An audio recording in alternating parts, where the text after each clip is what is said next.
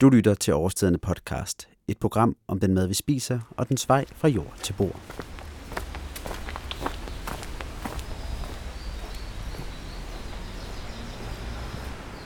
Lige nu, mens jeg står og snakker, ja, der er det november i Danmark, og det vil sige, at øh, markerne de efterhånden synger på sidste vers.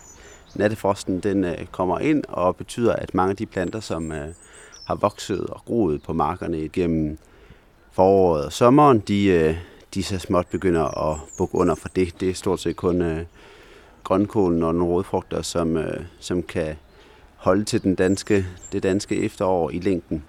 Men for at vi ikke er sådan 100% bundet op på kun at tage ting, der gror i Danmark, ja, så, øh, så får vi jo også ting fra Sydeuropa, særligt øh, Spanien, og Italien.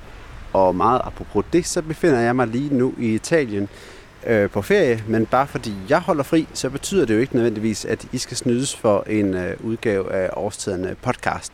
Så det her det er altså en slags lydpostkort, netop fra Italien. Øhm, og hernede, ja, der er klimaet jo et helt andet end i Danmark lige nu. Altså her er der jo stadig sol, 18 grader, øh, bevares, det regner en lille bitte smule mere, men kigger man ind i de forskellige haver, ja, så kan man øh, se, der hænger friske clementiner og appelsiner og citroner på træerne, og der er ferskner og oliven, og på gaderne, der ligger grøntsagerne stadigvæk fremme, og fra marken kan man se, at de har høstet broccoli eller store, fine auberginer. Og jeg vinder måske ikke nogen øh, form for Nobelpris for at komme med den oplysning om, at øh, klimaet er anderledes i Syditalien, end det er i øh, Danmark. Men det er nu alligevel ret imponerende at se, hvor meget man egentlig kan have i november i Syditalien i forhold til Danmark. Øhm, og det er faktisk også lidt det, som ugens udsendelse skal handle om, fordi i oktober, altså det er en lille måneds tid siden, der mødtes jeg med øh, Flemming, som er årstidernes mand i øh, Sydeuropa, primært Spanien, men også øh, Italien. Og vi snakkede lidt om, hvordan det er, de her sæsoner, de er i øh, Italien. Fordi det er jo ikke sådan, at man bare fordi man rykker herned, kan få alt. Der er selvfølgelig også sæsoner for appelsiner og sæsoner for de forskellige bladgrønt. Øhm, så vi tog en snak om, hvordan det er, han arbejder for at finde ud af, hvornår man skal begynde at skifte de øh, danske varer ud med, øhm, med italienske eller spanske varer. Man har sådan et sæsonhjul i internt i Spanien, hvor man selvfølgelig starter i syd, ned i Andalusien og ender op i nord, op omkring øh, Barcelona og grænsen mod, øhm, mod Frankrig alt det, det er Flemming selvfølgelig meget bedre til at forklare, så jeg synes, vi skal prøve at høre, hvad det var, vi snakkede om, da vi på Årstidens Skov i Jylland øh, var et skov tilbage i oktober for at snakke om de spanske sæsoner. Generelt i årstiderne, når vi sælger vores produkter og så laver vores kasser og vores opskrifter, så tænker vi jo altid i, i sæsonens varer. Øh, man kan jo se i vores kasser, at vi bruger mange appelsiner fra, fra oktober-november frem til, til april, og så har vi lige pludselig ikke nogen appelsiner rigtigt i kasserne, og det er jo der er en god grund til. Det er jo fordi, det, der det er årstiden, øh, som siger, at nu har vi appelsiner. Ikke? Og, og, og sådan er det på, på, sådan set på alt frugt. Øh, men sådan er det også på grønt.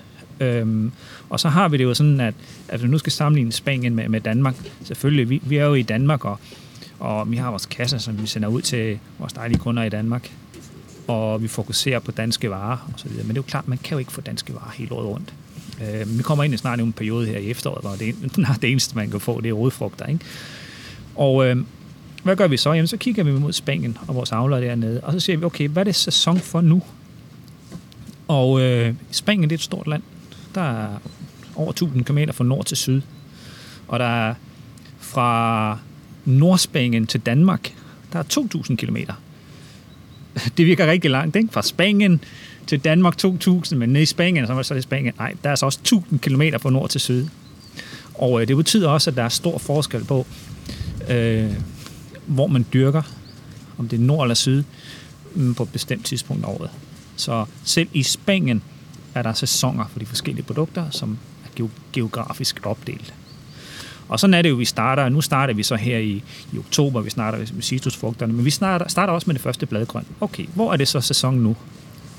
Og så starter man jo i, i Sydspanien. Det er sæson for salater. Starter stille og roligt. Vi starter nu her først i Italien, så går vi over mod Spanien. Og så bliver det så hovedsæson, som man kan sige, på salater hen i, hen i december, januar, februar. Men når man så kommer hen til april igen, og man stadigvæk får salater fra Spanien, fordi man ikke har startet i Danmark endnu, så er det klart, at når det begynder at komme over 30 grader i Sydspanien, og der begynder at komme, øh, man kan sige, at lusene begynder at angribe salaterne og, og så videre, øh, og kålene. Hvor tager man så hen? Jamen, så tager man jo til Nordspanien og begynder at købe der. Det vil sige også selve i Spanien flytter vi os rundt konstant. Starter måske nede sydpå, op langs kysten, måske lidt ind i landet, afhængig af klima.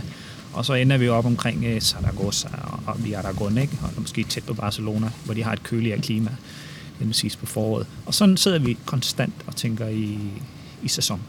Noget af det, som Flemming og de avlere, som årstiderne de, uh, samarbejder med i Spanien, de skal forholde sig mere og mere til, det er varmen. Altså man kan tænke, at det ikke er noget problem for nogen som helst grøntsag at få varme. Det må i virkeligheden være drømmescenarie, bare at have det så varmt som muligt, så man kan vokse og blive stor og saftig og fin. Men sådan er det overhovedet ikke. Intet er så simpelt, som man først skulle antage. Så med varmen, der følger en masse udfordringer i forhold til at holde, holde, øhm, holde grøntsagerne i live. Fordi det simpelthen bliver så varmt, at de, øh, at de, de dør af det. Nogle af dem i hvert fald. Øhm, og de udfordringer, dem fortæller Flemming meget mere om her. Og han fortæller også om, hvordan at det vindue, der er fra, at det bliver for varmt i Spanien, til at, at den danske sæson er klar, og man begynder at kunne finde ting på de danske marker der i, i sommeren, jamen der er man simpelthen nødt til at kigge rundt omkring i Europa, i Frankrig til at starte med, videre op i Tyskland og Holland, for at finde nok friske grøntsager, som øh, kan puttes i kasserne, indtil at vi er klar i Danmark. Men det er klart, at lige så snart, at man har de der dage der, hvor, hvor solen står på konstant, og så sådan en sol, der står direkte og skinner konstant på et blomkålshoved, det gør jo, at de desværre bliver gule. og det er jo nogen, nogen selvfølgelig øh, kunder, som er svært ved at forstå, fordi de tror, at, at blomkålen er blevet dårlig. Ikke? Og det er de ikke. Altså, de har bare fået sol, og så får de farve. Ja, ligesom, og, øh, ligesom danskere, der tager ligesom, på ferie, ja. det så. De bliver også, lidt mørkere, når de er ligget der. Det, altså, det, det vi gør jo, altså, det er jo, altså vi, vi har heldigvis nogle avler, som, som er specialister har været økologer i mange, mange år, ikke? og det de gør, de går jo, altså Sebastian nede i Murcia, han går jo og tager bladene på blomkålsplanterne og dækker op omkring blomkål, blomkåls hoved for at beskytte den mod solen de dage, hvor, hvor den virkelig er, virkelig er hård. Og også for at beskytte den mod, mod sand, hvis det blæser meget der kan komme sand faktisk ind ned fra Sahara, utrolig nok, så kommer hen over med vind op til Murcia. Altså det dækker han bladene, der hvad hedder, blomkålshoderne til. Ikke? Og, øh, og sådan er det lidt, det skifter med de forskellige kål. Der er de her hovedkål, som man kan sige, som er, som er blomkål, og der er broccoli. Det er også et produkt, som, som man kan dyrke fast. Men lige så snart, at det, det bliver for varmt, så kan man godt se, at, at, at blomkål for eksempel de går i blomst hvis de står ude ved kysten, og det bliver for varmt, så går de i blomst. Og så kan, skal man køre cirka 80 km ind i landet, og så står det fint. Så er det ikke så varmt. Så er temperaturen lige 8-9 grader laver. Ikke?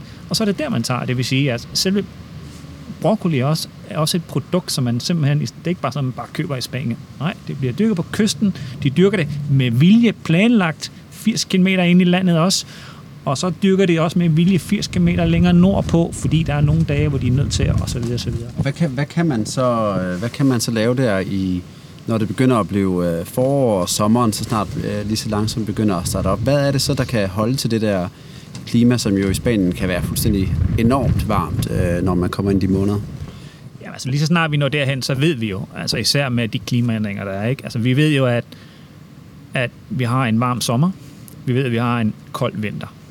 Og så ved vi, at sådan noget som forår og efterår, det snart ikke findes.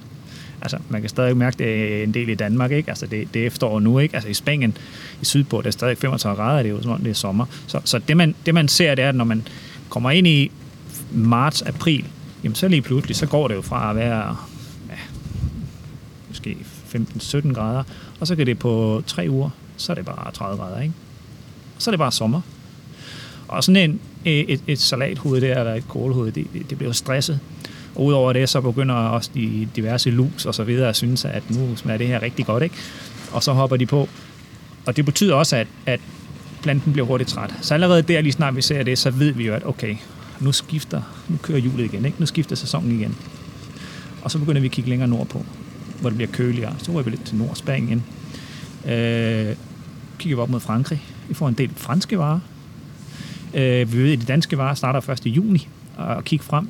Så så er det Frankrig, og når, når Frankrig er sådan er ved at lave tørt, at den begynder at blive varm, så kan man så man længere nordpå, og så har vi faste avlere også omkring Holland, og, og selvfølgelig Tyskland, som er her. Ikke? Altså der kan vi godt...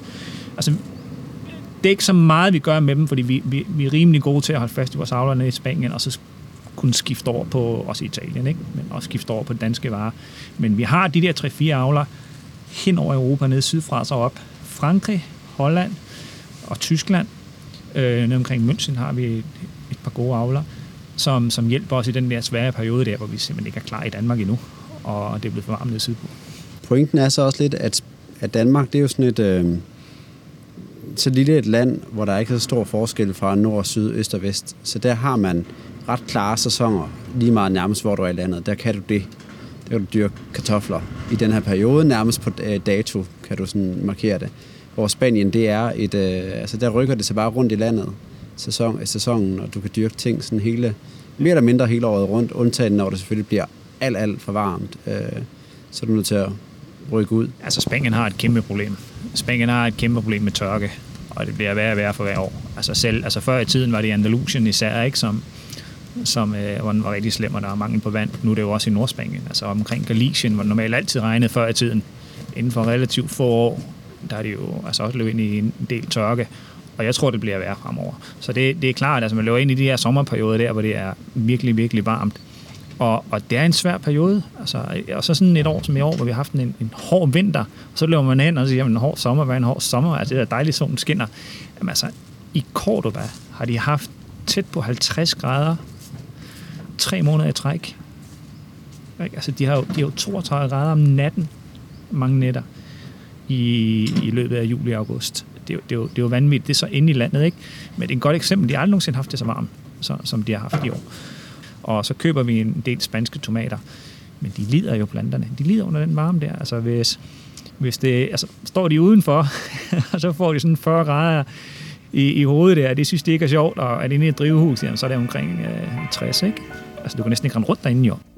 Penso che un sogno così non ritorni mai più. Og med det slutter den her udsendelse om Flemmings arbejde, og hvordan han sikrer sig, at der året rundt er friske, spændende grøntsager at spise i øh, kasserne. Jeg siger selvfølgelig tak, fordi du har lyttet med, og håber, at du vil lytte med igen i næste uge, og ikke mindst opfordrer dig til at sende mig en mail på podcast hvis du har ønsker eller idéer til øh, fremtidige udsendelser. Vi lyttes ved. Volare.